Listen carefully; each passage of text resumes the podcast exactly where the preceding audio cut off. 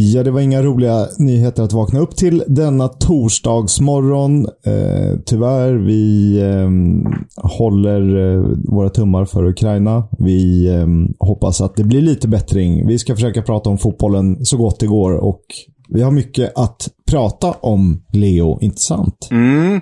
kom faktiskt på en idé precis här och nu när, när du bara nämnde Ukraina där. Ska, man kanske, ska vi kanske i sken av detta framöver göra någon, göra någon avsnittsspecial om en om någon ukrainsk spelare som har spelat i Championship. Jag, jag kommer inte på någon på rak arm, men om, om det finns någon där ute så kanske vi ska göra en special på personen likt Billy Sharp. Men det är oklart om det finns någon. Eh, jag tror snarare bristen på spelare är problemet, inte att vi ska kunna göra någonting av det. Nej. Sergej Rebrov, han var aldrig i Championship och vände någonstans va? Det var väl bara, det var väl bara Edith Spurs. Nej, men han borde ju spela Championship med tanke på hur eh, dålig han var i eh, Tottenham. Ja, ja kan man väl säga. verkligen. Ja, det om det. Eh, nej, jag håller med. Det är ju tråkiga eh, tider och eh, dagar nu för tiden. Så vi försöker väl hålla oss till fotbollen och den glädje som den kan ge oss. Så är det ju. Verkligen. Och eh, man får ju titta på det lilla. Eh, det viktiga är att människor mår bra, men det ju, känns ju helt... Eh, man får fokusera på det vi ändå gör hyfsat bra. Och det pratar om Championship och League 1 och League 2. Mm. Och Korpen. Ja, exakt. För vi gör ju det här tillsammans med Korpen för tredje avsnittet i rad. Och eh, jag tjatar ju till leda om det här nu, men det är ju faktiskt så att i måndags så spelade jag korpfotboll igen för eh, ja, 18 året i rad. Som, som, ja, eh, som ja, men det är ju liksom veckans höjdpunkt. Och jag kan meddela att mitt kära Sjökrickan, vi spelar ju i Täbykorpen, men Korpen finns ju överallt i landet. Eh, vi vann med 4-0 och är nu uppe i, hör och häpna Kisk, vi är uppe i 22-3 i målskillnad på våra sex senaste matcher. Och det är väl bara i korpen man kan liksom komma upp i sådana siffror om man, om man inte är elitspelare. Så det är faktiskt väldigt roligt att få utlopp för det här och vi rekommenderar er att göra detsamma nu när utesäsongen väntar. Ni ska gå in på korpen.se eller slash fotboll och anmäla er och hitta gärna på ett roligt namn. Mitt lag har ju inte så kul namn men det är lokalt förankrat. Det uppskattas ju också. Så korpen är grejen om man vill ha kul hela veckan, varje vecka. Cardi FF och Sorgebarnslig är två namntips om ni lyssnar på den här podden, såklart. Mm. Och en av våra lyssnare när vi la ut de här namnen, han kom ju med strumpläster. Oh, det tyckte jag var bra också. Oh. Även om det inte är Championship så har ju Leicester en rik historia i de eh, undre divisionerna, lägre divisionerna. Såklart. Verkligen. Så vill ni spela Korpen och vill ni göra med strumpläster så är namnet ledigt. Kör hårt.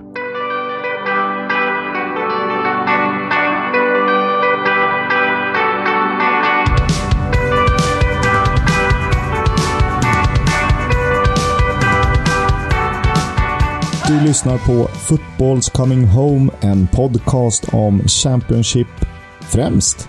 Men också lite League One och vi försöker klämma in även vad som händer i League 2 när vi hinner. Men det är så fasansfullt mycket matcher i Championship och det är väldigt roligt först och främst. Men eh, vi har ju pratat om så det räcker och blir över. Jag heter Oskar Kisk och leder den här podden tillsammans med Leonard Jägerskiöld Welander. Poddens Keen Lewis Potter. ja, det vet jag tusan. Namnmässigt i alla fall. Namnmässigt i alla fall är det ju så. Eh, ska vi dyka rakt ner i det som har hänt senaste veckorna? För det har hänt otroligt mycket. Det är eh, skiften vi kanske trodde på förhand men sen fick backa ifrån, men som nu är aktuella.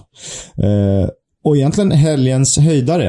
Eh, som skulle ha varit Bournemouth, Nottingham Forest. Den blev uppskjuten. Bedrövligt tyckte jag på en fredagkväll.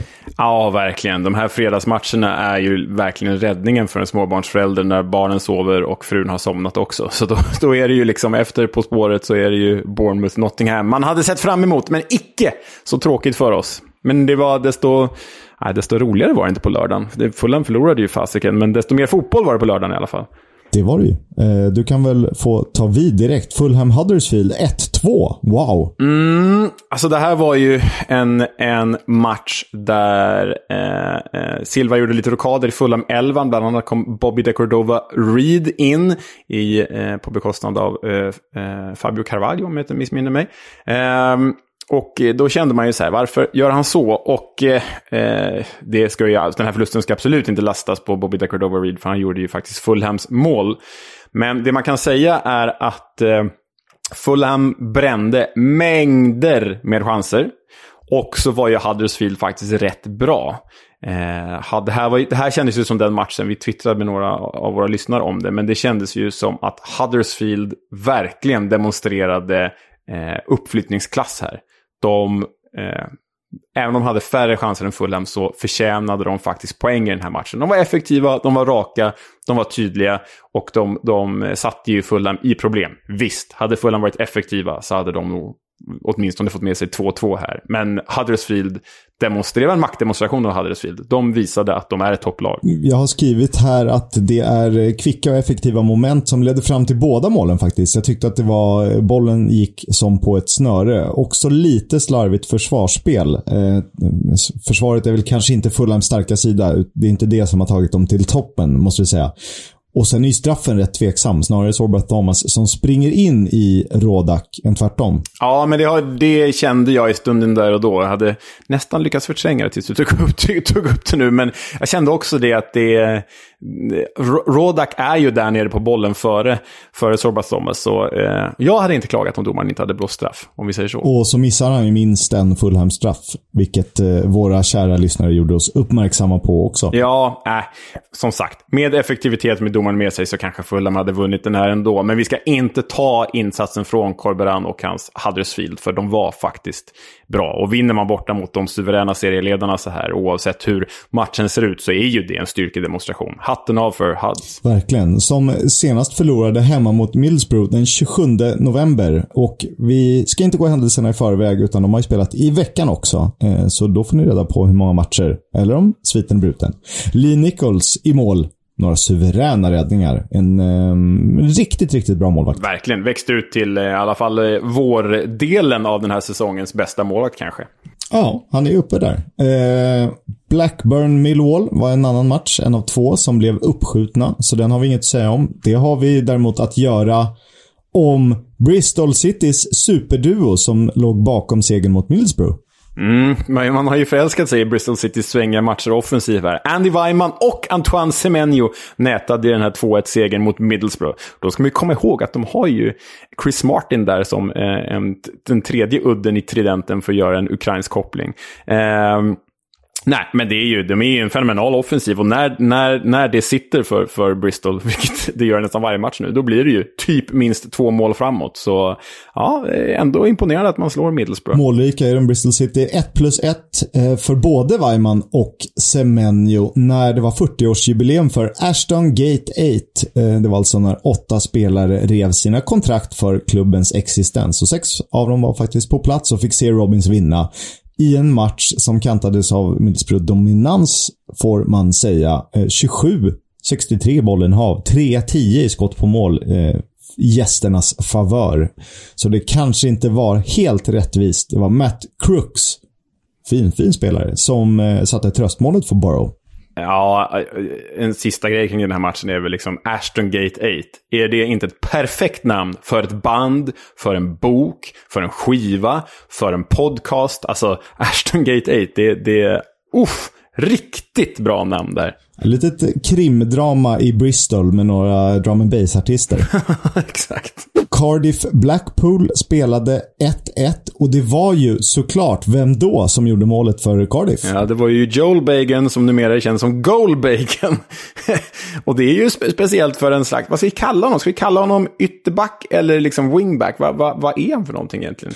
Eh, han är väl någon så kombination av, han är väl mer av den gamla skolans ytterback. Fast han har ju bra, bra offensiva lungor. Eh, vi kallar honom ytterback så har vi friskrivit oss från eventuella felaktigheter. ja, så är det väl. Eh, men Cardiff bör ju vinna hemma mot Blackpool, men ändå de fortsätter ta poäng, vilket eh, plockar dem längre och längre ifrån det där eh, nedflyttningstiden som, vi egentligen läm som de egentligen lämnat bakom sig ett tag nu. Och det ska sägas att spelet påverkades, som många andra matcher, av stormen Eunice. Det var den som fick två av de matcherna uppskjutna. Det har flugit grejer från arenor. Vissa arenor är ju till och med obrukbara. Ja, och jag vet inte om ni såg det. Det är ju för inte engelsk fotboll, men i Nederländerna eller i Holland så eh, slets ju taket av på Ado Den Haags arena. Eh, så det var ju lite läskiga bilder, bara flög takdelar överallt. Så det, den där stormen ska man inte underskatta. Nu ska vi inte prata om nederländsk fotboll, men det känns som att när det är naturkatastrofer och väder, en tuff väderlek, så är det alltid någon arena i Holland man får se klipp på som, du vet, det brakar eller går sönder. Det känns som de är byggda i wellpapp. Ja, lite så. Ja, vi får, vi får göra någon eh, specialpodcast om holländska arenor helt enkelt. Det får vi göra. Eh, Coventry ser ut att vara tillbaka igen om man baserar det på helgens match. Eh, det var, handlade ju bara om Coventry, The Sky Blues, eh, när de mötte Barnsley och vann med 1-0. 7-0 i avslut eh, på mål och eh, liksom alla chanser, allt spel tillhörde ju hemmalaget. En bandagerad Viktor Gyökeres hade några bra lägen, men inget mål för honom. Nej, istället fick ju Dominic Hayem avgöra i 90 plus 3. Eh, bollen landade ju vid hans fötter när han stötte in matchens enda mål. Och eh, Tråkigt för Poyas Bagi och eh, våra svenska vänner i Barnsley. Desto roligare för vår svenska kompis Viktor Gyökeres som vi förstås jagar för ett gästspel här i podden. Vi återkommer om det. Precis som Poya Asbaghi. Eh, vi får hoppas att landslagsuppehållet för en gångs skull kan vara till vår fördel när det eh, kommer till något intervjumaterial med Barnsleys svenska tränare. Derby mot Peterborough i en direkt eh, nedflyttningsaktiv match. Och det hände grejer där. Det gjorde det verkligen. Det här var ju liksom ur, vad säger jag, urmallen för en så kallad sexpoängsmatch. Förlorade den här och så såg det ju väldigt mörkt ut i bottenstriden. Vinst och hoppet lever ju i alla fall. Men det började ju dåligt för ja, men bägge lagen, för bägge fick ju varsin utvisning, eh, kanske inte jättetidigt, men Peterboroughs Hayden Colson blev utvisad efter 35 minuter och Darby svarade med lagkapten Tom Lawrence fick syna det röda kortet i den 47. Och det är inte så man ska ta sig an de här matcherna, Kisk. Nej, men eh, nerverna utanpå och mycket på spel. Och ett, eh, det var väl dubbla gula för Colson och en, ett litet hjärnsläpp eh, signerat kapten Lawrence när han är uppe med handen, armen, fingrarna, vad ni nu vill kalla det. Och um, Det ska man inte vara. Lite ofokuserat. Och det här eh, kan ju bli ett väldigt tufft slag för Derby. Som, vi ska komma in på det mer, men de ser ju ganska trötta ut. Ja, och det gjorde de i den här matchen också. Det ska ju sägas att de då avgör den här tillställningen i 92 minuten genom Louis Sibley. Um, ung egen produkt har jag för mig, så det var ju eh, väldigt roligt för honom. Men, men eh, Eh, Eh, ja, till nästan 30 000 på läktaren också ska jag säga. Derby hade ju högst publiksiffra i hela The Championship i helgen. Otroligt mäktigt. Men eh, det blir ju något av en pyrrusseger det här. Det är klart att segern var ju extremt viktig. Jag menar, hade man missat seger här så hade kanske tåget redan gått. Men när Tom Lawrence, som då inte bara är lagkapten, utan Darbys, får vi väl säga, överlägset bästa offensiva spelare den här säsongen. Eh, en av ligans bättre till och med. Han fick ju tre matchers avstängning. Att de ska klara sig utan honom i tre matcher i det här läget, när Reading har börjat vinna, som ligger ovanför dem. Äh, det, var, det var ju eh, inte bra gjort av kapten Lawrence. Nej, och eh, blott två segrar på de nio senaste i vilka man gjort fyra mål. Och sämst målskillnad i ligan eh, fram till det här fick då Darren Ferguson att lämna sitt uppdrag som eh, manager för Porsche. Darren Ferguson som vi pratade om i förra avsnittet. Som det här, han avslutar alltså sin tredje session i Peterborough och jag vågar ju sätta en slant på att det blir en fjärde förr eller senare. det, det lär det bli. Men eh, Peterborough får nog med stor sannolikhet börja tänka på eh, League One, även om det inte är många poäng som skiljer. Knappt någon. Men, men ja, eh, Derby Eh, vi kommer återkomma till dem som sagt, men fan, jag börjar tappa hoppet. Eh, det känns ju tyvärr så, får vi ändå säga. Eh, ett lag som alltid överraskar när vi skriver ner dem och alltid underpresterar när vi börjar tro. Det är Luton. Och man var väl inte bombsäker på att det skulle gå jättebra mot West Brom. Och det såg inte så ut i början heller. Det är faktiskt helt osannolikt att inte West Brom tar ledningen. Både Carroll och Grant hade bra chanser att göra mål.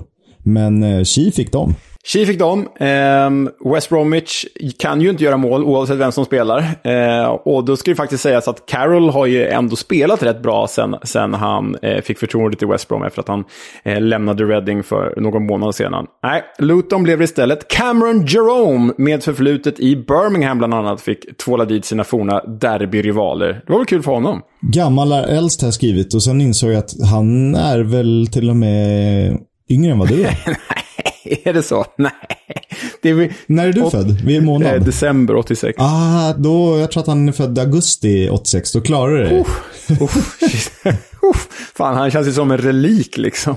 Otroligt. Ja, han gjorde ja. ett plus ett. Han spelade fram till Alan Campbell som har... Eh, han har gjort lite poäng. Vi har pratat om honom en del. Eh, han avslutade ett distinkt skott till 2-0, vilket betydde att Luton klev förbi, klev förbi West Brom, som vunnit blott en av de tio senaste ligaspelet. Det kanske blir elva. Noll gjorda mål på fem matcher eh, fram till veckan då alltså. 0-8. Ja, sans, sanslöst. Inte alls bra för Baggis. Ingen bra start för Steve Bruce som tränare heller. Nej, och då frågar man sig, var det värt det? Nej, exakt. Tveksamt. Sen en eh, möjlig ny kandidat till säsongens match. Med Reading i spetsen i, återigen då, fast snarare engelska mästerskapet i svagt försvarsspel. När PNI och Reading spelade 2-3. Mm, och det här såg man väl inte riktigt komma. När vi verkligen totalsågat ner Reading och pratat ner dem och efter protestdemonstrationer eh, och protestmarscher och supporterilska. Och planstormande spelare och spelare som bråkar, och eh, eh, planstormande supportrar och supportrar som bråkar med spelare. Ja, det var hur mycket kaos som helst i Reading. Och så vinner de borta mot PNI efter att Lucas Joao gjort två mål och John Swift återigen hittat nätet. Och det här med Lucas Joao, det kan ju verkligen bli räddningen för dem att han är tillbaka från skada. För det här är ju en anfallare för toppen i The Championship, om inte bättre. Det är, det är lustigt när man fastnar vid spelare. Eh, för Lucas Joao är ju, eller kan bli, tror vi blir, lika viktig för Reading i en nedflyttningsstrid potentiellt att de slipper det om de fortsätter så här. Som Mitrovic är för Fulham att ånga på i, eh, i toppen av ligan. Får man, eh, det måste man ju kunna jämföra. Ja, ja, nej, verkligen. Alltså, Lucas Joao är ju en talisman. Jag menar, så sent som förra säsongen var ju liksom Reading inblandat i en uppflyttningsstrid till Premier League. Och, och eh, då var ju Lucas Joao den självklara målskytten. Så Mm, det, det, det är ju en speciell situation för dem i år och att Joao är deras viktigaste spelare utifrån det. Det, det råder inget tvivel om. Det här var första vinsten på 13 segerlösa matcher för eh, Reading och det var alltså droppen. Nu, eh, i och med det här fick eh, Velko Paunovic inte längre vara manager för The Royals. Lite lustigt nog. Nej, men de, eh, de måste ha bestämt sig på förhand. De har sagt att oavsett hur det går i den här matchen så måste Paunovic lämna. Och så var det väl typiskt att, att han fick vinna då. Det var ju lite typiskt. Joao 2 plus 1, Swift 1 plus 1. Superduo där, eh, för att tala om sånt. Vi ska prata mer om Reading och deras tränare lite senare. Först ska vi prata om QPR Hall som slutade 1-1 där en finsk landslagsman gjorde sitt första mål för Hall. Mm, Marcus Fors, eh, anfallare i Hall som lånats in från, från Brentford och deras nordiska kollektiv. Eh, känns väl mer som att det här är hans nivå. Sen var det ju då våran marockanska mästare, den fina Ilyas Chair, som kvitterade för hemmalaget. Ja, och eh, QPR eh, får vi lov att återkomma till såklart. Vi får ju lov att återkomma till varenda lag eftersom det har spelats dubbla omgångar, så det blir lite tjatigt ja, här. Det var eh, QPRs fjärde mat raka match utan seger det här. Um, men det har blivit ändring på. Uh, ett lag som ångar på. Vår etta i vårt gemensamma ligatips blev Sheffield United. Uh, jag hade Fulham som etta. Du hade Sheffield United som etta inför säsongen, va? Mm, det hade jag. Stick in den kniven längre och vrid om den ännu mer om du kan. ah, jag skulle inte säga att den är så pjåkig. Etta är väl, är väl kört eftersom jag jag satte Fulham tidigt såklart eftersom jag är en mästertippare. Skämt åsido, de eh, slaktade Swansea 4-0 och det var ju en spelare som stack ut mer än någon annan. Ja, men det är ju Morgan Gibbs White. Två mål och en assist och han är ju, det här Wolves-lånet är ju är magiskt. Han är ju en magiker på den här nivån. Men han har ju haft lite skadeproblem, varit in och ut ur startelvan på grund av den anledningen. Framförallt innan eh, Heckingbottom tog över. Men när han är med, då är ju Blades ett, ett eh, givet topplag. Och de låser ju upp alla knutar och Billy Sharp kan få alla bollar han vill ha. Så, så MGW är eh, nyckeln i Blades offensiv. Det är han. Och det här var en orgie i snygga fotbollsmål. Eh, snyggast av dem alla är ju George Bollocks 2-0-kanon. Det var så eh, snyggt så att eh, Fifa delade det som möjlig Puskas Award kandidat, tror jag. Och hans första mål sedan 2019. Nej, men det, det är ju en otrolig rackabajsare med inspel från vänster. Han kommer och krutar upp den i, i, i nättaket. Men alltså, då tycker jag ännu inte att det, det är på samma nivå som det här QPR-målet i, i höstas. Vem var det som gjorde det? Det var ju... Eh, det var inte Chas Austin, det var han gamla Watford-anfallaren. Uh, Andrew Gray. Andrew Gray, precis. Jag tycker inte ens det är på, på, i, i paritet med det målet. Men visst, det var en jäkla kanon, det ska det sägas. Det är ett otroligt mål, men Andre Grace håller jag fortfarande högre. Så vill ni se snygga mål, Puskas mål, då ska ni kolla på Championship Highlights. Helt klart. Givetvis. Eh, Sheffield United 4, Swansea 0. Eh, Billy Sharp gjorde ett av målen, såklart. Swansea har ett par halvchanser, aldrig riktigt farligt, eh, trots 62% bollinnehav. Och det har vi hört förr. Men hur länge orkar man tro på Russell Martin Ball? Ja, men de, nu måste, det känns som att de måste ge det här en säsong till. Den här säsongen är ju förlupen, den är borta, den är över. De kommer hamna i ingenmansland, de får inte ut någonting av sitt bollinnehav. Lite så var ju MK Dons när Russell Martin tränade där också. Men ska man tro på, på, ska man ta Russell Martin och den spelstil han står för och liksom koppla ihop det med klubbens DNA, då måste man våga ge det tid. Speciellt när de, alltså halva startelvan försvann ju från förra säsongen. Så, ja, nej, de är dumma om de inte eh, ger det här lite tålamod. Nej, det Men man vet ju, det kan gå snabbt. När man som minst tror på det, då äh, svänger och så är det en ny filosofi in. Men vi, vi hoppas ändå på Russell Martin Ball och att han får lite nya eh, förstärkningar till sommaren. För jag, jag, tror att det kan bli effektivt med den här grunden som finns där. Instämmer. Sen helgens eh, tråkigaste match, eller mest ointressant, jag vet inte vad jag ska kalla den. Nej, det kanske var fräckt. Men eh, Stoke Birmingham 2-2 i alla fall. Tyrese Campbell dubbel målskytt för eh, Stoke. Ja, och eh, 17-årige Jordan James stod för Birminghams första mål. Eh, det är ju faktiskt häftigt att han får starta och göra mål. Och sen var det ju den liksom, evergreen-spelaren Gary Gardner som satte Birminghams andra. Ja, men den här var väl ointressant ur, ur liksom Birmingham-perspektiv, för de är ju likt Swansea. De är ju där de är och de kan inte bli bättre och de kan inte bli sämre, är ju känslan. Men Stoke håller ju, ja, de håller ju långsamt på att tappa sin playoff-dröm. Så är det ju. Ja, och eh, kommer ju bli ett mittenlag. Det är väl, de slåss väl med Blackpool och Preston North End. Möjligtvis Millwall också. Det känns som det är hacket precis under eh, playoff-utmanarna som ju sträcker sig ner till West Brom. Eh, jag vill inte räkna bort dem än för att de, jag tycker att de har spelarmaterial för att ligga högre än sin just nu elfte plats. Ja, men man får väl säga att eh, vi, jag tror att vi hade dem som på åttonde plats i vårt gemensamma tips inför säsongen. Och eh, jag tror ur deras perspektiv är ju allt annat än topp 6 en floppartad säsong. Ja, så, så Stoke behöver nog rycka upp sig. Det var helgomgången som spelades. Vi knatar vidare till tisdagen. Då fick vi se svensk mål. Ja, det fick vi göra. Ja, när Victor Gyökeres avgjorde bortamötet på Ashton Gate när Coventry vann med 2-1 mot The Robins. Eh, och som alltid är det ju minst tre mål när Bristol City spelar. Det är kul när de är med.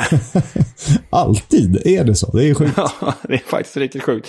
Eh, Victor Gyökeres twittrade ju efter matchen att han var väldigt nöjd med att avgöra och han var nöjd med segern. Och så kallade han Ian Matsens eh, ledningsmål, Chelsea-lånet, för en van Basten-kopia. Och det vet fan Nej. om jag håller med om. Det var väldigt överdrivet twittrat. Ja, men det är väl lite eh, hybris för stunden. Man försvinner iväg. Gustav Hamer eh, gjorde dubbla assist. Han spelade både fram Ian Madsen och Viktor Gyökeres. Han känns ju annars som en spelare som skjuter mycket men sällan gör mål. Verkligen så. Det är ju, han är ju en jävla konstig den där holländarbrassen. Alltså, han är ju lika hård som han är teknisk. Han är en väldigt speciell typ. Men på tal om, om snygga mål så måste jag faktiskt säga att Chris Martins mål i, i den här matchen, det är helt otroligt. Det är en alltså, kort hörna från Bristol City. Som de sen slår inlägg på bortre stolpen där Andy Weimann nickar mot främre stolpen. Eh, där Chris Martin dyker upp och nickar in i öppet mål. Otroligt bra variant. Jag hatar ju eh, korta hörnor och avskyr spanska tiki-taka-hörnor. Men det här var... Eh, men wow, supervariant. Det här vill man se mer av. Nick till nick och mål är ju faktiskt underskattat snyggt. Verkligen. Känns väldigt italienskt på tiden Del Piero, Vieri och den typen av spelare lirade. Verkligen. Jag vet inte varför, det var bara min känsla. Mm. Men du, eh, det är ju alltid någon i talismantrion, som vi kallar dem, Martin, Weiman, Semenyo, som gör det för The Robins. Men du måste lyssna på denna ganska sjuka statistik från och med 25 januari 2022. Bristol City förlorar mot Luton. Semenyo tar gult kort. Bristol City tar poäng borta mot PNI. Semenyo målskytt. Bristol City förlorar mot Blackpool. Semenyo tar gult. Bristol City vinner mot Reading. Semenyo målskytt. Bristol City förlorar mot Swansea. Semenyo gult. Bristol City hemma slår Middlesbrough. Semenyo målskytt. Bristol City förlorar hemma mot Coventry. Semenyo gult. Så att eh, sen 25 januari, när Semenyo tar gult kort, då, vinner inte, då förlorar um, Bristol City när han gör mål, då tar de minst en poäng. det är otroligt. Wow, det är verkligen, börjar bli vår gubbe där, den härliga Antoine Semenyo. Ojämn, lika ojämn som sitt lag. Och sen har jag hittat en annan rolig grej. Att Bristol Citys mittfältstrea den här matchen, eh, med Alex Scott, Masengo och Benarus det, snittåldern på dem var yngre än den mittfältstrion som spelade för U23-laget samma eftermiddag. Nej, är det sant? det är fan helt otroligt. Det är helt otroligt. Det var typ King och killarna som körde för U23-laget. Ja, det är Matty James. Ja. Ja. Typ. Jag, jag, vet inte exakt vilka det var. Det var bara en rolig statistik att ta med sig. Ja, rolig nugget, verkligen. Eh, något som är roligt är ju såklart, vi måste vara lite svenskvänliga i den här podden för eh, rubrikernas skull. Och eh, när Barnsley borta slår Hall med 2-0, då ler vi lite. Ja, men det gör vi ju. Även om, även om eh, jag eh, har min vurm för Hall och Tom Huddleston så är det klart vi gillar när det går bra för svenskarna. Och nu har han ändå vunnit ett par matcher på kort tid här och det lever ju i bottenstriden om man eh, vill räkna avståndet. Vad är det? Åtta poäng från, från strecket upp till Reading. Så det är ändå 14 matcher kvar, det lever ju. Och att Barnsley lever, det eh, gör ju oss glada. Men Hall, Kisk, jag vet att jag vet att de ändå är inom citationstecken på säker mark. Men de har väl ändå typ bara 34 poäng. Hur många poäng har de ner till Reading då? Fem? Ja, säg att det... Ja, okej. Okay. Det är över... 15. Har de 15 poäng ner till strecket? Och eh, Reading har en match till godo gentemot Hull. Ja, ah, okej okay då. Äh... Att, och ner, ner, ner till streck Eh, de har just det, de har fem poäng ner till Reading och sen har de ju i nuläget 13 poäng ner till osäker 13 mark. Poäng. Nej, 13 poäng till osäker mark. Jag vet att det är ett stort avstånd när det bara återstår 14 matcher kvar och det handlar om Derby, Peterborough och Barnsley där under strecket. Men hittar Derby, Peterborough eller Barnsley formen, vilket Barnsley kanske har gjort lite nu, eh, och Hall fortsätter så här, alltså de har ju bara två poäng på de sex senaste sen, sen tränarbytet egentligen. Så jag vet inte fasiken vad som kan hända. Alltså Hall ska inte räkna sig som säkra än. Det tycker jag inte med tanke på hur dåliga de faktiskt är. Nej, och nu har vi ju en, en bottentrio som är eh, urbota dålig på att ta poäng. Eh, och det är ju också för att Darby har 21 poäng minus. Inget att skratta åt. Därför är ju gapet så stort.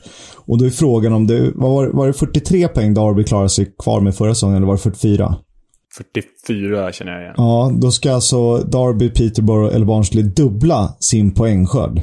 Det känns väldigt osannolikt. Ja, ah, det känns väldigt osannolikt. Men vi hoppas ju, för Reading finns däremellan. Exakt, men att eh, jag tror inte det kommer behövas så många poäng. Men Hall kommer ju vinna minst en match till. Kan, kanske två. Ja, och då är de ju typ säkra. Ja, ja du har rätt. Exakt, det är det jag tänker. Och Reading kan ju åka på en formdipp. Det, det känner man ju. Men eh, jag vet inte, då ska något av de lagen toppar formen. Derby trötta. Nej, nja, känner jag. Tyvärr. För det är klart man vill ha en playoff-strid som är wow. Och eh, nu bottenstriden känns lite avslagen. Ja, det gäller ju att någon där nere börjar vinna lite återkommande och att Reading, Hull börjar förlora Eh, raka matcher. Exakt. Och när det kommer till vinster så vet vi att eh, West Bromwich Albion inte längre är så bra på det. De följer mot eh, Middlesbrough på bortaplan i tisdags. Jason Molambi gjorde det första målet i West Brom under Steve Bruce och sitt första mål för Baggis. Sitt, an- sitt blott andra mål i karriären. Mm, och det var ju en kul start för West Brom och äntligen såg det ut som att de skulle kanske få med sig någonting. Jag kollade på lite highlights från den här och tyckte ändå att, att eh, såg ut som att West Brom hade lägen på mer än 1-0 innan Middlesbrough lyckades kvittera genom Paddy McNair. Ja, eh, jag såg ju den här matchen och min känsla var efter ledningsmålet att West Brom hade en riktigt god chans till tre poäng och minst en poäng. Eh, och Borough kändes absolut inte särskilt farliga. Åtminstone inte första timmen. Men eh, sen gick det som det gick. West Brom tröttnade lite. Marcus Tavernier. 1 eh, plus 1 plus 1 får vi säga eftersom han var sist på bollen som Molambi eh, gjorde mål på för West Brom. Spelade fram Paddy McNair också. Gjorde ett själv. Men roligast var väl ändå att Dara O'Shea, som blev växt ut eh, lite till en personlig favorit i början av säsongen, gjorde sin första start sedan fotskadan i september. Ja, det är ju det är ju faktiskt väldigt viktigt för West Brom att han är tillbaka. Det, det är ju, var ju i alla fall på pappret en av liksom absolut bästa försvararna i The Championship innan han gick sönder. Så ja, viktigt för dem. Får se hur mycket det hjälper i längden. Jag såg en grej apropå Steve Bruce. Eh, nu har han tränat två klubbar eh, det senaste året. Och eh, sen mars har han inte vunnit en enda ligamatch. Det är jobbigt. Ja, det är, ehm, den, är, den är tuff. Och eh, det här var ju deras sjätte match i följd utan vinst. Och det var den sjunde raka hemmasegern för Borough. Borough är bra. Ibland är de det. Preston North End tog emot Nottingham Forest. Det blev 0-0. Det var väl knappt övertag för Pini över 90 minuter, men Forrest kanske skulle haft straff när Davis gick omkull efter 10 minuter. Överlag var min bild av den här utifrån höjdpunkter att eh, Nottingham hade svårt att komma upp i nivå trots 10 dagars vila. Och eh, det får väl ändå ses som en rätt stark poäng mot ett formstarkt lag. Eh, Pini alltså. Rätt bra just nu. Mm. Eh, Forrest eh, får nog dock börja vinna lite matcher i rad här nu igen om de ska eh, hamna på playoff-platserna, vilket de verkligen har kapacitet att göra. Ja, men det har de. Men sen går det ju fort, eh, både upp och ner. Eh, förlorar du två, ja men då kan du ligga tia. Vinner du två matcher, ja men då kan du helt plötsligt ta sjätteplatsen. Ja, nej, så är det ju. Det är så jäkligt spännande. Det är, fan, det är därför man älskar den här serien. Vi kommer att slå fast många slutsatser som kommer att bli direkt felaktiga i den här podcasten under våren. Men eh, vi underhåller er. Vi hoppas att vi gör det med eh, bravur. Och när det kommer till eh, att ta viktiga vinster så har ju Reading nu plockat sju poäng på de tre senaste som kan bli oerhört, oerhört viktiga. Och det är ju mycket tack vare en viss Lucas Joao. Ja, mål igen. Eh, dessutom eh, eh, var det ju Swift framme och satte tvåan för Reading. Och det var väl Swift som eh, spelade fram Lucas Joao till eh, hans mål också. Oerhört läckert avslut av Lucas Joao som bara placerar in den vid, vid, vid bortre stolpen från, från halvmånen. Äh, det är ju starkt av Reading att ha hittat rätt här i det totala kaos som eh, det var för blott en vecka sedan. Och Velko Paunovic ersättare Kisk det är ju Paul Ince. Ja. I alla fall tillfälligt. Och det är lite roligt. Eh, vi har en liten kul grej om honom senare i nyhetssegmentet. John Swift, en riktig poängmaskin. Birmingham fick in ett tröstmål, ett självmål sen gör Tom McIntyre. Eh, trots att det var två bollar på planen. Båda var dock inte i spel, men den andra var obehagligt nära straffområdet. Mm, tveksamt. En match som blev uppskjuten var Swansea-Bournemouth.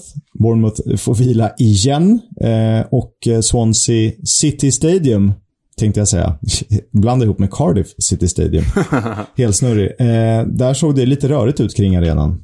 Ja, nej, men de drabbades ju som flera andra av den här, den här stormen. Och det finns nog en del att behöva lappa och laga där i, i Wales innan det blir fotboll där igen. Lär det nog behövas. Hoppas att de inte får spela på Cardiff City Stadium. För det kan vara jobbigt. det vore stökigt. Och så ska vi gå till 2-1-dagen, eller 1-2-dagen. Det var onsdagen som eh, mestadels spelade på matcher som slutade 1-2 eller 2-1. Eh, först ut, Derby Millwall 1-2 till eh, ditt förtret Ja, äh, men jag har blivit så, jag har, som ni vet, jag har blivit så extremt förälskad i den här upplagan av Derby. Och man vill ju att sagan ska bli sann. Men nu när Reading har tagit sju på de tre senaste och Derby börjar se mer och mer trött ut. Och det ska ju också påminnas om att de var utan kapten Tom Lawrence, hans första match i avstängningen. Och så förlorar man 1-2 hemma mot Millwall och ser helt bedrövlig ut. Alltså, det var flera tillfällen och inte i andra halvlek när, när liksom Darby pressade på, utan flera tillfällen i första halvlek när eh, Darby var så borta så att Millwall tilläts komma tre mot en. Eh, det är ju tufft. Och det är väldigt tufft då när Millwall tar ledningen efter två minuter genom en sån här, vet, förlupen frispark som slås in i straffområdet men ingen är på den. Eh, och så går den bara förbi Ryan Alsop in i mål. Nej, Synd för Derby. Jag hoppas inte tåget har gått, men klockan klämtar för att fortsätta med klyschorna. Eh, bara mål från Millwall-spelare. Jed Wallace med det första, Tyler Bury med det andra och Jay Coopers självmål sent. Tröst. Tyvärr ingen större tröst för Derby då. Det har hänt. Vi har varit inne på det tidigare. Vi har bara väntat på vilken match det skulle ske. Fulham Peterborough 2-1. Take it away.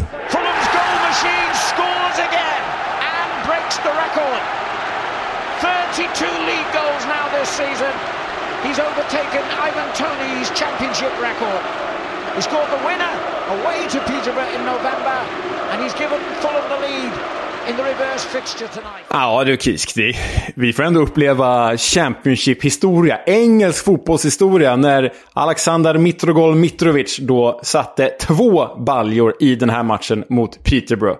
Och med det så slog han ju Ivan Tonys målrekord från förra året på 31 mål. Mitrovic har nu 33 och har 14 matcher kvar att spela.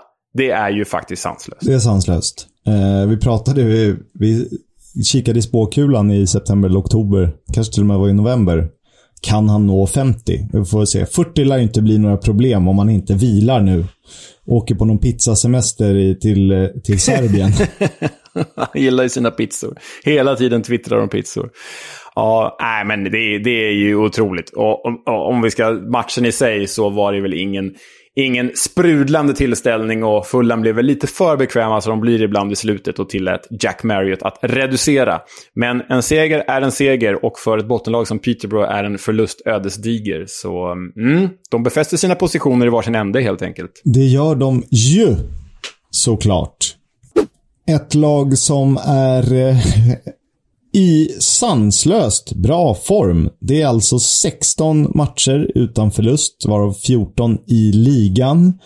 Eh, och de behöver inte chanser heller, även om de spelar väldigt bra fotboll. Eh, man trodde kanske att Cardiff skulle piska till Huddersfield på bortaplan. Det gjorde de inte. Nej, men eh, sett till chanserna så, så ska de ju vinna den här. Alltså, Cardiff har ju sex, sju, åtta lägen i första halvlek som ska, som ska resultera i mål. Och då gör de först sitt, tar de först ledningen då i andra halvlek i, i 61 minuten. Nej, eh, Cardiff borde ha eh, gått ifrån den här matchen med seger. Men Huddersfield kvitterar alltså genom Josh Coroma i 88 och avgör matchen genom Joe Russell i 96.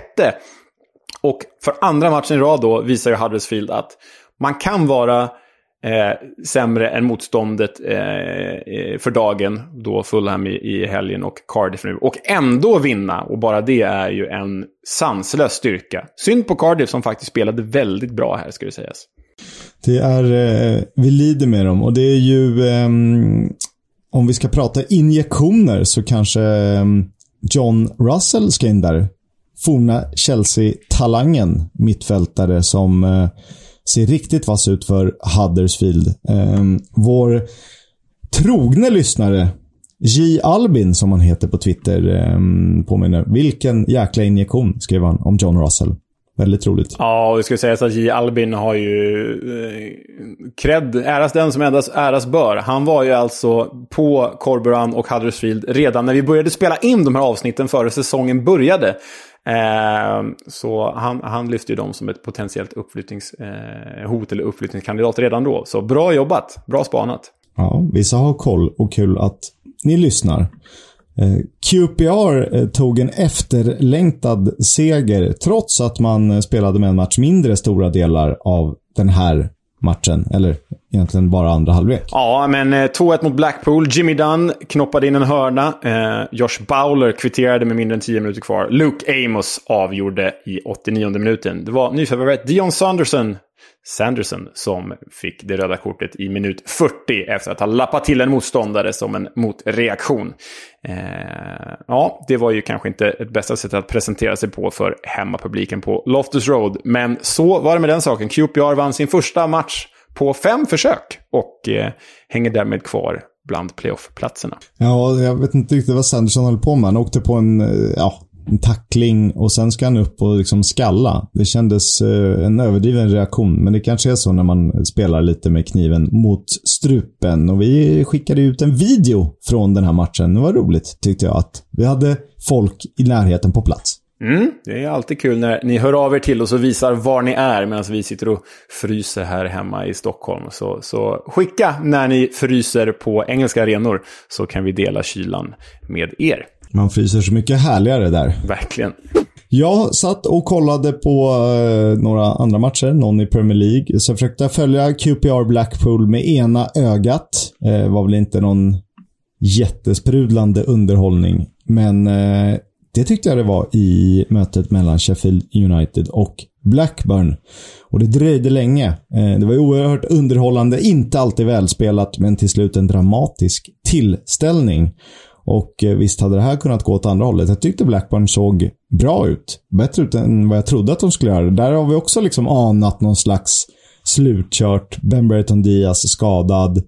Bradley Dack inte riktigt tillbaka. Han har varit lite sådär upp och ner i startelvan. Ja, och eh, du säger, jag såg inte den här matchen eh, i och med att jag jobbade. Men eh, du säger att Blackburn eh, var bra. Det kanske de var, men de känns som att de är inne i en period nu där de inte riktigt tar de poäng de behöver. Truppen är ju eh, tunn, till och med tunnare än Huddersfield skulle jag säga. Tunnast av alla där uppe i, i liksom toppsexan. Så åh, nu kanske det här oundvikliga fallet kommer. Vi vill verkligen inte det. Blackburn är verkligen en klubb som förtjänar sina Premier League-platser. Men eh, det börjar ju långsamt dippa neråt här, vilket vore tråkigt. Men om de hade medflyt under hösten till viss del, där liksom allt flöt på enligt mallen, så har de ju mot, mot lut nu. I allra högsta grad. Ja, nej, nej, men så är det ju. Det, det som, ja, de brände ju straff här liksom. Och sen då Ben Davis som typ hoppar in i Liverpool-lånet Ben Davis som hoppar in med 10 minuter kvar eller 20 minuter kvar och så avgör han i 92. Så ja, nej, det är ju tufft för Blackburn just nu. Och det är ju också så definierande för Blackburn, Blackburns framtid det här. Alltså, går man upp i Premier League om man skulle lyckas göra det trots, mot alla odds och trots alla förutsättningar. Så kommer man ju kunna förlänga med de här kontrakten med de här spelarna vi nämnt tidigare. Kaminska har ju förlängt, men jag menar det är ju en halv startelva vars kontrakt går ut i sommar. Man kan lösa Ben Burton Diaz på ett långt avtal säkert om, om de skulle gå upp. Och Tony Mowbray stannar väl som tränare. Men skulle de inte gå upp, då kanske de står där med bara Kaminski kvar. Halva elvan har lämnat, de tvingas sälja Ben Burton Diaz. Och så ska de ta in en ny tränare och så börjar de om igen. Och det kan ju till och med slutade i League One. Det vet du De var ju där för bara ett par år sedan. Så mm, det här är ju väldigt definierande hur den här våren slutar för Blackburn.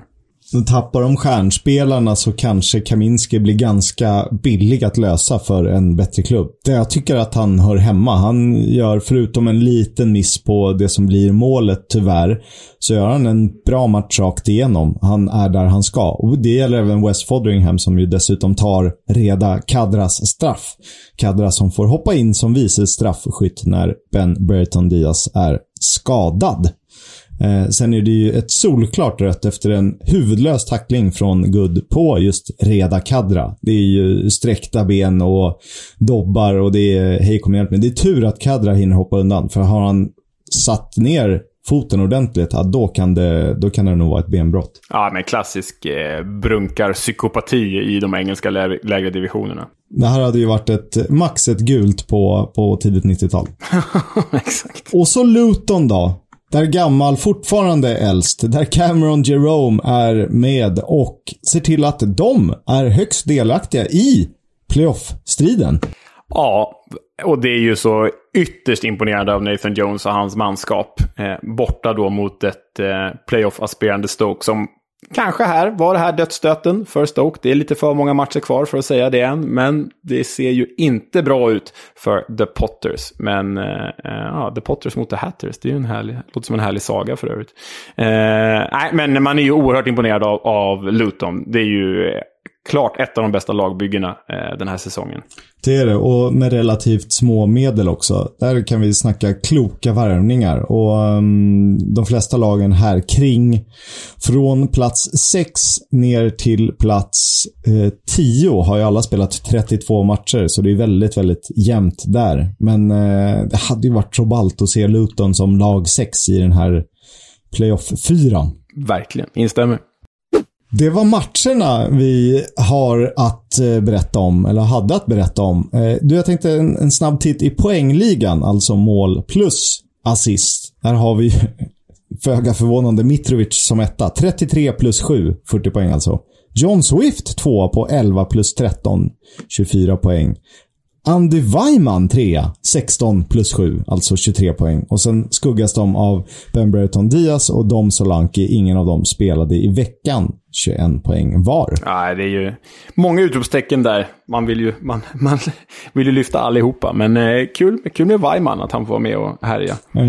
Vi gillar ju trogna lyssnare som hör av sig och eh, min gode vän Patrik eh, skickade en bild på eh, målvakter som hållit flest nollor i ligasystemet i England sedan 2019-20. Eh, och Ederson i Manchester City är etta och det är kanske inte särskilt förvånande att eh, Allison, Liverpool-målvakten, är fyra. Men på andra plats Bjalkowski i Millwall, 41 nollor. Ja, det, att det skulle vara så många var väl lite överraskande. Men det är ju, Millwall är ju under Gary Rowett oerhört starkt defensivt. Framförallt tidigare säsonger. Och Bjalkowski har ju stått alla de här säsongerna. Men, men visst, att han, att han liksom ska ha, ha lite fler nollor än Allison då till exempel. Eller vilken annan storlagsmålvakt som helst. Det, det, det överraskar och imponerar. Så är det. Eh, han är dock bara 12 i hållna nollor-ligan den här säsongen. Och topp tre är som följer. Etta, Lee Nichols Huddersfield 13 nollor.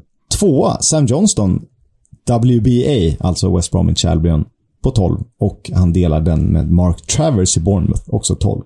Högst hållen 0% har dock West Fodringham med 66,6. 12 nollor på 18 matcher. Och högst räddningsprocent har Nathan Baxter i Hull.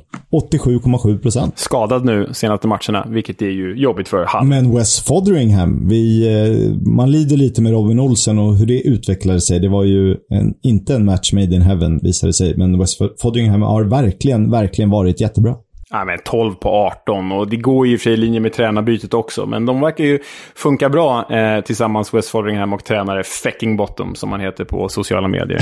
Have you not been watching? I haven't! Paul Ince blev i veckan ny interimtränare för Reading, vilket betyder att han tränar sin son Thomas Ince, mer känd som Tom Ince, för tredje gången. Kommer du ihåg klubbarna då, Leo? Ja, du ser dem framför dig. jag ser dem faktiskt framför mig. Ja, och jag hade inte kommit ihåg Notts County. Så, så eh, det kan, du kan ju avslöja vilka klubbar det handlar om. Det är Notts County, det är Blackpool och det är The Royals. Sen har vi båda spelat i Liverpool också. Eller tränat med Liverpool kanske man ska kalla det. Andra, andra tränarnyheter har vi ju varit inne på, men det är ju att Darren Ferguson har ju lämnat Peterborough för tredje gången. Neil Warnock nämns ju i sammanhanget. Eh, känns ju som att han säkert är för dyr för uppgiften. Matthew Edrington, den gamla Stoke-yttern är han väl mest känd för att vara, Eh, är en av de assisterande i klubben. Kanske interimlösning där. Det kan det vara. Matthew Etherington med förflutet även i Tottenham. Icke att förglömma. Ben Burton Diaz skadade ett ledband i foten och kommer att bli borta under en obestämd tid. Tony Mowbray själv vet inte hur länge, men han kommer att missa matcherna mot Sheffield United, som var i veckan alltså, och dessutom QPR och Fulham, viktiga i toppstriden såklart. Och sen har vi då Masters Football som är tillbaka och det är ju futsal fast med sex spelare. Så det är ju typ ett, eh, ja du har skrivit här, ett brittiskt Nackas minne. Men för våra unga lyssnare, Kisk, vad var Nackas minne för något? Nackas minne var en helt otrolig inomhusturnering som eh, spelades med jämna uppehåll ja, långa mellanrum kan man ju säga. Eh, det var ju på 70 80-talet den lirades. Det var ju ofta med Djurgården, AIK, Hammarby plus inbjudna lag. Blåvitt var med, Bröndby var med, Heerenveen var med när de hade sin svensk koloni. Och de senaste säsongerna, det var väl 02 och 03, då spelades den i Globen. Då har du två kortsidor, Djurgården och AIK på den ena och sen har du en långsida. Där har du Hammarby-klacken inklämd emellan. så att, eh, alltså man kan ju ana. Och så hade Bröndby-klacken liksom en liten hörna uppe i, på andra etage. En helt otrolig tillställning. Jag var faktiskt på en av dem. Väldigt roligt påfund. Det var lite stökigt, men inte, inte så allvarligt ändå. Men den här la de ner sen när de insåg att det kanske blir lite för bråkigt och skaderisk. Men då hade de över en ishockeyrink lagt eh, en konstgräsmatta. Sen kommer jag inte ihåg om det var futsal eller... Jag vill ändå minnas att det var fem utspelare plus målvakt där också. Och det är samma med det här då, Masters Football. Lite som en plojgrej under eh, icke-säsongen och eh, enda spelare över 35 år fick delta. Regerande mästare 2011 var Rangers FC från Glasgow med Leeds som tvåa. Det året vann Darren Huckabee skytteligan. är det sant? Wow, vad kul. Ja. Sånt här är ju det är lite plojigt. Eh, samtidigt är det lite härligt Eurosport-nostalgiskt. Eh, så att det är någon, eh, det är någon kombination av modern fotboll och ändå härligt. Vi kanske ska köpa den här rättigheten och sända den i sommar, du och jag. det vore förträffligt. Till er, till er mediehus som vill. Jag och Leo kommenterar gärna gamla brittiska fotbollsspelare som vill spela futsal på konstgräs. Verkligen. Ge oss ett mittfält med Charlie Adam mot Matthew Etherington så är vi med.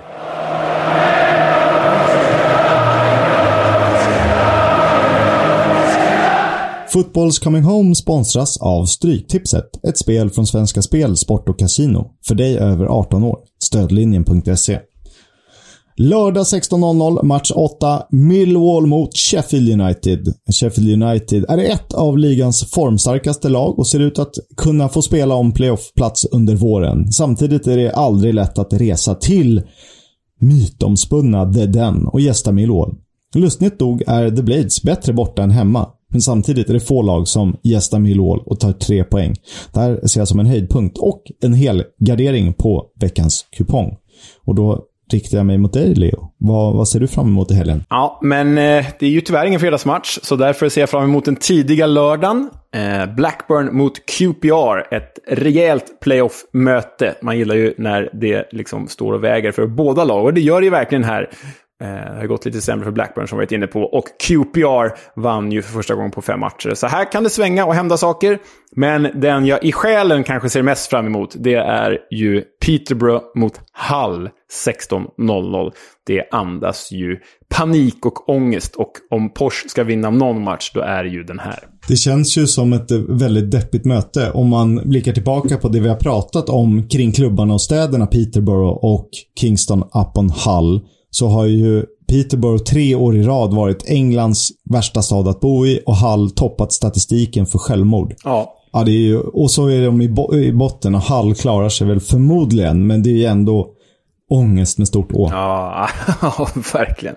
Alltid när man kommer in på den där hemska självmordsstatistiken så tänker jag på den där kvinnan vid turistcentret i Hall, eller turistinformationen. Have you seen Humber Bridge? No, what's that? That's where everyone tops themselves. Jaha, okej, okay, bra, tack. Bisarrt. Tack för peppen. Ja. Du, eh, hur är stämningen i Rotherham? Du, det ska vi... Ja, den är väl bra. Jag menar, de, de vann väl mot eh, Wigan i helgen, va? Och eh, känns som att de dundrar upp mot The Championship. Eh, men historiskt sett kanske inte lika bra som den är nu. Vi fortsätter med segmentet klubben, eller profilen om det handlar om en spelare. Och eftersom vi har avverkat alla härliga Championship-klubbar så blickar vi nu ner i League One. Eh, vi har ju gjort två stopp där, Wigan och Sunderland, sedan tidigare. Och Leo ska få äran att berätta historien bakom eh, Rotherham United.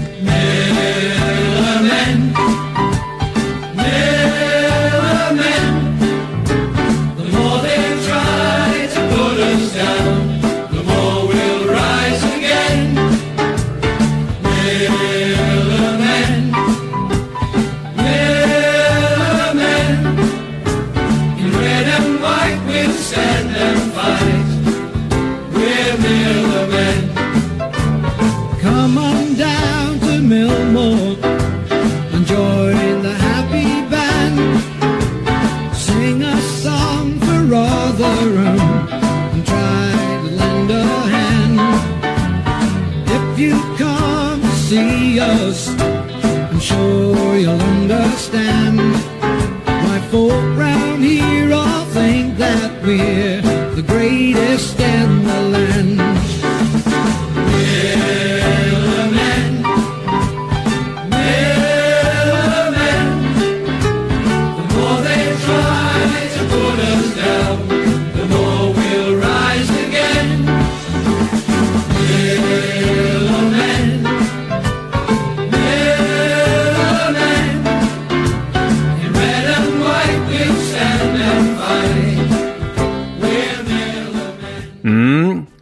Millers, eller The Millermen, på Millmore. Även om det faktiskt inte är deras arena längre. Det sjunger de glatt om i den här klubbhymnen. Men för att berätta historien om Rotherham och deras Millermen så behöver vi först ha en bakgrund om staden. Staden Rotherham tar sitt namn från floden med samma namn, River Rother, som sedermera mynnar ut i The River Don. Och lite lustigt är det just att stadens centrum, där rinner The River Don igenom och inte River Rother som ligger liksom utanför stan. Det tycker jag är lite intressant. River Rother för övrigt väldigt skönt att säga. River Rother. Det här är ju en, lit, det är en riktig Fredrik Lindström-passus i På spåret. The, the River Rother. Verkligen. Ja. Men Rotherham och The River Rother återfinns i södra Yorkshire och ligger drygt en mil från närmsta stora stad, som är Sheffield. Likt Sheffield har Rotherham en kolgruvshistoria och bidrog också ganska mycket till stålindustrin när den var som störst. Men de främsta industrierna i Rotherham historiskt har varit glasproduktion och mjölframställning. Därav smeknamnet The Millerman och väderkvarnen som finns i klubbmärket. I Rotherham bor det drygt 100 000 invånare och fotbollsframgångarna är i paritet med stadens storlek. Ganska små. Som de flesta andra klubbar med epitetet United är även Rotherham United en sammanslagning av två föregående klubbar. 1925 insåg fotbollsidkarna i staden att den inte längre var stor nog för två fotbollsklubbar på hyfsat hög nivå. Och således gick Rotherham County och Rotherham Town samman för att bilda Rotherham United. Inledningsvis spelade United i gult och svart, men efter fem år, 1930 alltså, byttes färgerna till rött och vitt som, färg, som är färgerna än idag. Skönt ändå att bara helt överge en färg. Äh, vi, vi är gult och svart. Ska vi ta något liknande. Ja, det gör vi. Vi tar rött och vitt. Under klubbens första 25 år så höll man till i Football League-pyramidens lägsta serie, Football League North. Och det dröjde således till säsongen 1950-51 innan Rotherham United för första gången någonsin säkrade uppflyttning till Second Division. Efterkrigstiden var och är Uniteds bästa i historien. I alla fall hittills. För 1955 nådde man nämligen sin högsta placering någonsin genom att komma trea i Second Division. En fin placering med en jädra bitter eftersmak då The Millermen missade uppflyttning till högsta serien på målskillnad. Birmingham vann serien, Luton kom tvåa och Rotherham hamnade på samma poäng men fick alltså stanna kvar i serien på grund av sämre målskillnad. Väldigt bittert med tanke på att man den säsongen bland annat lyckades slå Liverpool med hela 6-1. Klubbens största stund kom dock sex år senare, när Rotherham tog sig hela vägen till final i den allra första upplagan av ligacupen. Finalen, som då spelades i ett dubbelmöte, stod mellan Rotherham och Aston Villa. Och första matchen spelades på gamla, klassiska Millmore. Otroligt namn ändå. Och visst är det bra namn, Millmore? Eller hur? Ja, Millmore. Ja, otroligt bra. Och här har jag faktiskt letat klipp infernaliskt länge. Man vill ha lite liksom arkiv från den här första ligacupfinalen. Men det finns inte eh, liksom dokumenterat på YouTube i alla fall, eller på andra ställen där vi letar. Så tyvärr blir det inget liksom ljudklipp från den här finalen. Rotherham vann hemmamötet med 2-0 och hade då segern som i en liten ask. Men returen i Birmingham, som flyttades till nästa säsong eftersom att eh, Villas eh, spelschema var alldeles för tajt tydligen. Eh, den vann Aston Villa med 3-0. Så 3-2 totalt till The Villains och ridå Rotherham. Ett par år senare, 1968, rasade Rotherham ur näst, hög, näst högsta serien för att sedan inte återkomma till andra divisionen förrän 1981. Däremellan tillbringade klubben mest tid i trean, även om de till och med var, ner, var nere och vände i Division 4. Resten av 1980 och 1990-talet följde i princip samma mönster. Ett hejdundrande jojo-åkande och hoppande mellan andra och tredje divisionen. Rotherham såg ut att ha funnit sin plats i hierarkin, i limbo mellan tvåan och trean. Och mitt i allt detta fick United uppleva sin första resa till Wembley. Då har vi kommit fram till 1996 och tränarduon hette Archie Gemmill och John McGovern. De har vi ju pratat om tidigare ganska mycket. I vilket avsnitt då? Ja, det var det jag försökte komma ihåg. Det har blivit så, eh, så himla Vi så, mycket. vi har gjort blivit så många. Vi har gjort så himla många avsnitt så att eh, eh, spelarna börjar ju eh, gå ihop med varandra. Men eh, jag vill minnas att det var Derby County vi pratade om. Eh, båda de två. Ja, ja, ja, som, ja det är- stämmer. som var liksom stjärnlirare på den tiden och otroligt viktiga för Derby County 60 och 70-tal. Ja, just det. Så var det. Så var det. Nej, det, hade jag, det är så mycket in och ut, men det stämmer ju. De var i alla fall tränare för Rotherham 1996 eh, och hade lett sitt Rotherham till finalen i Football League Trophy. Där väntade Shrewsbury som motståndare. 35 000 åskådare på plats, varav 20 000 från Rotherham. Och med ett sånt stöd i ryggen så blev ju Rotherham faktiskt mästare. It's taken them 110 years, but Rotherham United have finally arrived at Wembley.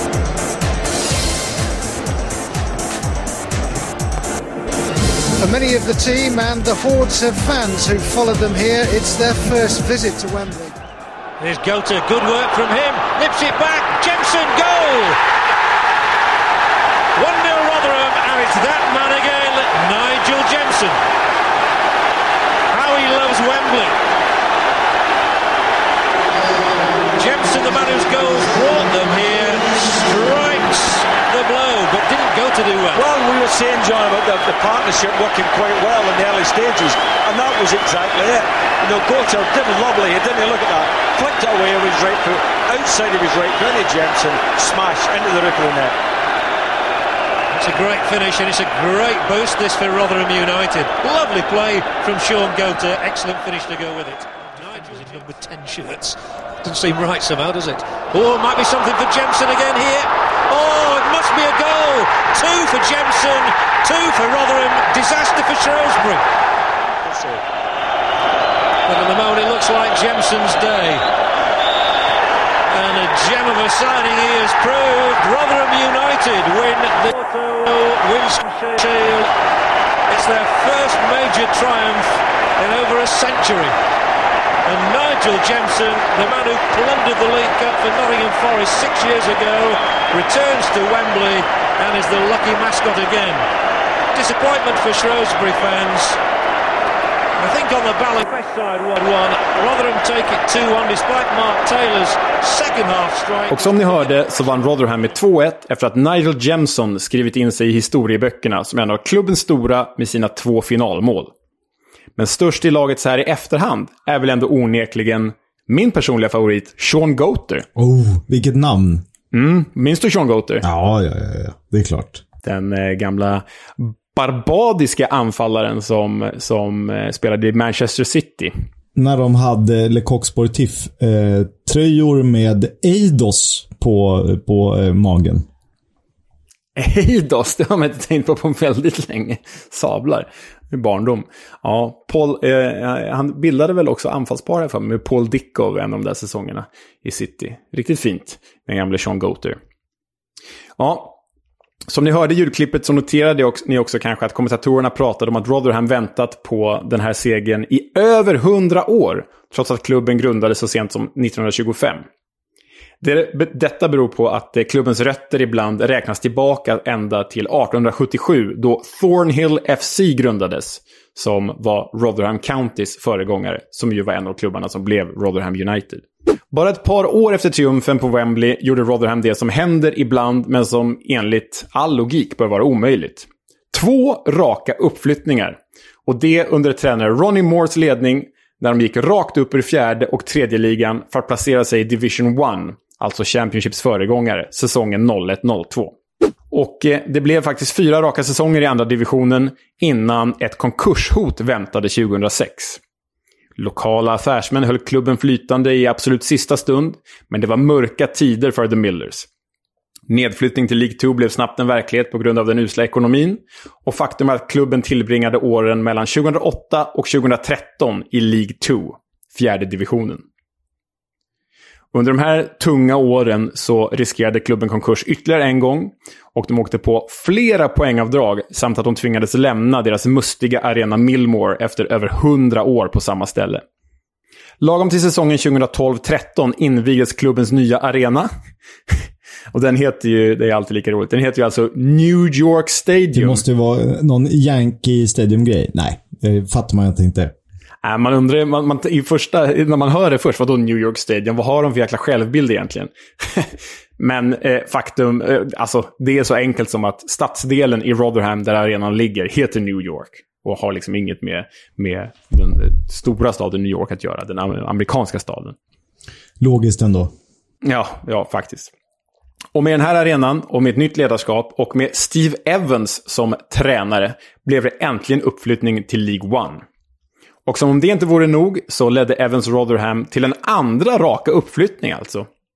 Året därpå, alltså efter att ha gått upp till League One, så finalslår de Leighton Orient på straffar i League One Playoff-finalen våren 2014. Detta efter att ha hämtat upp ett 2-0-underläge. Tavernia's delivery is good one, and it's going to bring a goal back for Ravel.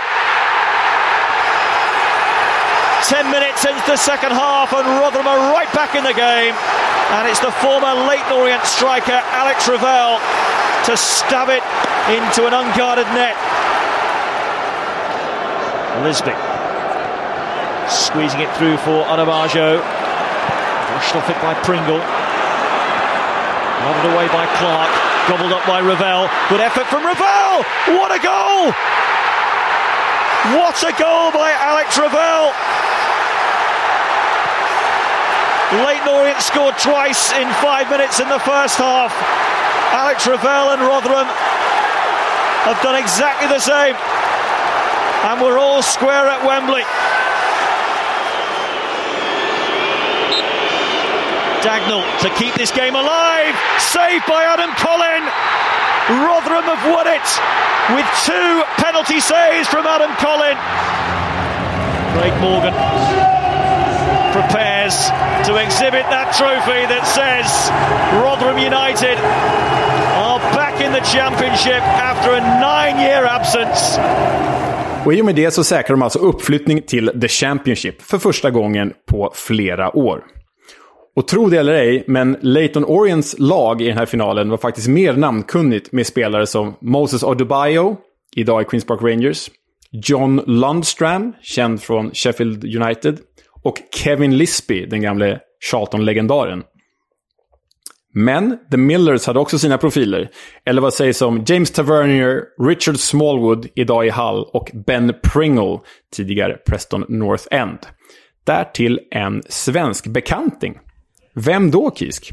Uh, är det en svensk, eller? Han är inte svensk, men han... För jag vet ju att det har spelat en svensk till i Rotherham. Som har ju varit en liten eh, fotbollsnomad i England. Eh, han har väl tre, fyra klubbar i England. Ja, vem är det? Jag ska fråga dig om den spelaren eh, sen. Vi kan ta det redan nu. Vilken svensk utöver Victor Johansson har spelat i Rotherham då? Eh, Joel Ekstrand gjorde typ någon match för Rotherham. Mm. Korrekt. Men vem är denna svensk bekanting som alltså spelar upp eh, Rotherham i The Championship? Ja, det, känns, det känns ju som att det är någon som stack till Ytterhogdal och hamnade i Östersund sen. Nej, nej, nej, nej. Han har en ganska etablerad karriär i, i allsvenskan och även en hyfsad proffskarriär får vi igenom. Det jag kan säga eh, så här är att eh, han har 90 landskamper för sitt landslag och han rönte stora framgångar i fotbolls-EM 2016. Ja, det är inte någon svensk, men en svensk bekanting. Um, ja, 2016, var inte det då de var så jäkla bra? Um, Island. Uh, vilka islänningar har vi? Svensk bekanting. Kari Arnason kanske? Ja, där satt den. Kari Arnason med förflutet i ditt Djurgården och i Malmö FF. Och framförallt Aberdeen-ikon. Mitt fina Aberdeen. Ditt fina Aberdeen. Framförallt Rotherham-ikon. Rotherham är den klubb han spelade flest matcher för faktiskt. Och gjorde flest mål för. Eh, men den gamla Djurgården och gamla MFF-aren var eh, alltså ytterst delaktig i Rotherhams återkomst till The Championship. Första året tillbaka i The Championship slutade med andan i halsen när klubben höll sig kvar genom att komma på 21 plats. Och året därpå, säsongen 15-16, såg ut att gå helt åt helvete. När de så sent i februari hade avverkat två tränare och låg fast förankrat i botten. Enter vem då? Neil Warnock. Come back to Yorkshire. Yeah, Good to be back. It is, yeah. I mean, it's you know, it was a shock, if, if I'm honest, when I was asked. Um, but you know, so there's 12 weeks to go and 16 important games, and I thought I could contribute to try and help them keep the status because it's a fabulous achievement for a club like Rotherham to be in the Championship. Did you ever expect to be back in management again? No, but that, I said that about eight times now. I've been re- retiring since 2007, I think it is. Um, but it's it's what keeps me going really. I, I went to QPR before this before Christmas, and I really enjoyed that on the training ground, etc. So when this opportunity came, and the chairman, you know, told me he was in a, a, a, a in a difficult position, then I, you know I, I soon agreed to help him out, and um, and once my wife agreed, that was okay. Och hur gick det under den gode Knocks ledning då? Jo, Neil Warnock mäktade med det som kallas för The Great Escape. Warnock fick fick sitt lag att gå obesegrat i 11 raka matcher, varav 6 segrar. Något som gjorde att klubben mirakulöst klarade sig kvar och hade till och med råd att förlora säsongens två sista matcher och ändå sluta på 21 plats. Sedan dess har Rotherham åkt jojo mellan The Championship och League One och är således ett lag i limbo, även om vår kompis Victor Johansson spelar där och är på väg upp i The Championship igen. De har ju 72 poäng hittills. Eh, de är 6 poäng före Wigan. Förvisso med två matcher mer spelade. Men de har ju 9 poäng ner till Boo MK Dons på, på tredje plats. Så att det ser, eh, det ser ju riktigt bra ut för The Millermen. Och det, det gillar vi ändå. Det känns som att eh, man, vi vill ju att eh, Victor Johansson ska spela där. Så är det. Kul med Rotherham, men lite lagom trevlig fotbollsberättelse. Man, man lär sig. Jag kunde ju... Man har haft mer förkunskaper om andra klubbar vi gjort i den här serien. Så det här är nog den jag kanske lärt mig mest om eh, när jag tog mig an den. Men eh, nu har det blivit dags för dig att eh, eh, prata om en klubb nästa vecka. En League One-klubb. Och det finns ju många härliga klassiker där. Vi kan ju bara liksom påminna våra lyssnare om vilka som spelar där. Eh, som vi inte gjort det. Men vi har ju då till exempel Sheffield Wednesday, Ipswich Town, Bolton Wanderers, Portsmouth. Eh, ja, Wimbledon, Doncaster. Ja, det är bra gäng. Men du, jag har tänkt att eftersom att vi redan varit och tallat lite på den här klubben när Astrid Tajdarevic gästade oss. Så tänker jag att du ska ge oss Charlton Athletic. Åh, på The Valley har man varit. Mm, lite så jag tänkte. Kul. Då, um, jag vill minnas att både jag och Astrid eh, hyllade Charlton. Jag som reseupplevelse och han i egenskap av att spela där. Mm, det är så jag minns det också. Du, vi pratade lite om jojo-lag i, i, i två gånger under Rotherham-segmentet. Det finns ju några klubbar som åkt jojo mer än någonsin. Mm, det, det gör det ju. Det dök ju upp en härlig grafik på, det var IFLs eh, officiella sociala medier? Nej, jag tror inte det var det. Jag tror att det var eh, något av kontona som följer de 70, hur många nu är, 72 klubbarna Just under det, Premier League. Eller om det. det är 92 klubbarna i engelska ligasystemet. Nej, men jag, man måste säga att jag blev lite förvånad ändå över vilka som har åkt upp och ner flest gånger då. Eh, jag hade nog liksom tippat på kanske ett Norwich eller ett Cardiff. Eh, båda är ju med på den här topplistan. Men det är alltså Grimsby som har åkt upp och ner flest gånger. 31 gånger har man gjort det. Följt av Notts County eh, 30. Och sen har vi ju Leicester 22 gånger, City 21. Men känner man sin historia så vet man ju hur City var förr. Eh, lite mer älskvärda då. Ganska mycket mer älskvärda under Sean Goater-tiden. Eh, nej, men det här är ju en, en, en... Jag tror du retweetade den här va? Dessutom. Det har jag inte gjort, men vi kan dra Ja, ut vi den borde dra ut den. Den är, den är ju härlig. Det är lite så här, Norwich är ändå bara 18 gånger. Eh, jag tänkte att de åker upp och ner varje gång, varje år. Men nej, men det är en härlig skylt. Så Grimsby alltså. Vi har ju några Grimsby-lyssnare. Klart vi har det. We'll have a chat about the fucking game. About your game, last few months, last few weeks. Fucking character. Veckans Warnock alltså. Eh, han är alltid tillbaka, även om han inte riktigt är tillbaka, som aktiv manager. Men eh, en av klubbarna på jojo-listan var Plymouth.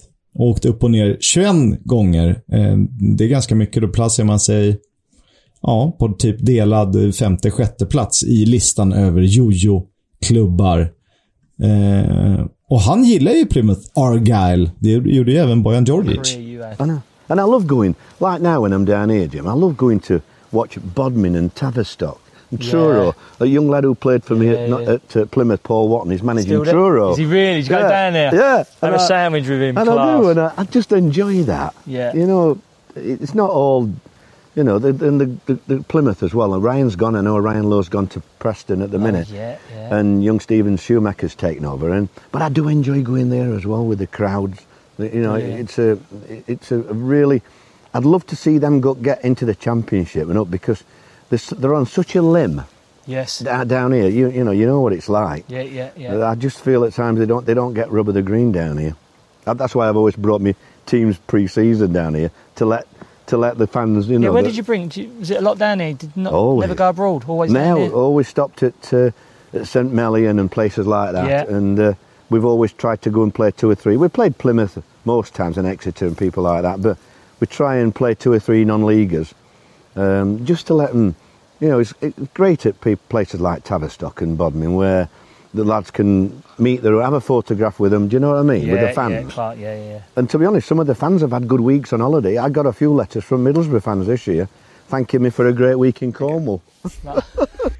Ja, det är kul att höra om liksom, de som är så inbitna, eller liksom de som är så inne i den här cirkusen och i den här fotbollsvärlden, vad klubbar, lag och städer betyder för dem. Och det ska ju sägas att det här eh, ljudklippet är ju taget från en, en eh, tv-intervju när de står och fiskar helt dyblöta i, i, i regnet.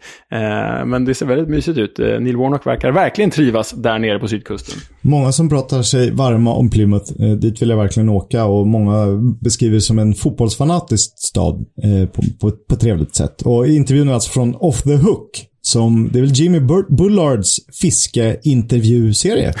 det är faktiskt så. Det är en otroligt upplägg att Jimmy Bullard bara åker runt och fiskar med folk. Helt otroligt är det. Helt otroligt är det också att ni orkar stå ut med oss eh, när vi babblar om Championship. Men vi älskar ju den engelska fotbollen såklart. Tack till er som har lyssnat. Tack till Stryktipset och Korpen som är med oss i det här och samarbetar med oss.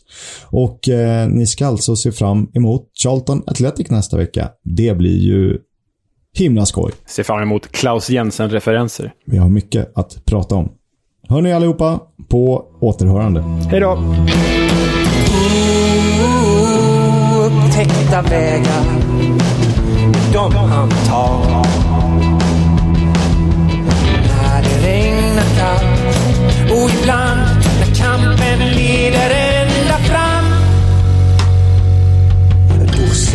vi på lördag igen.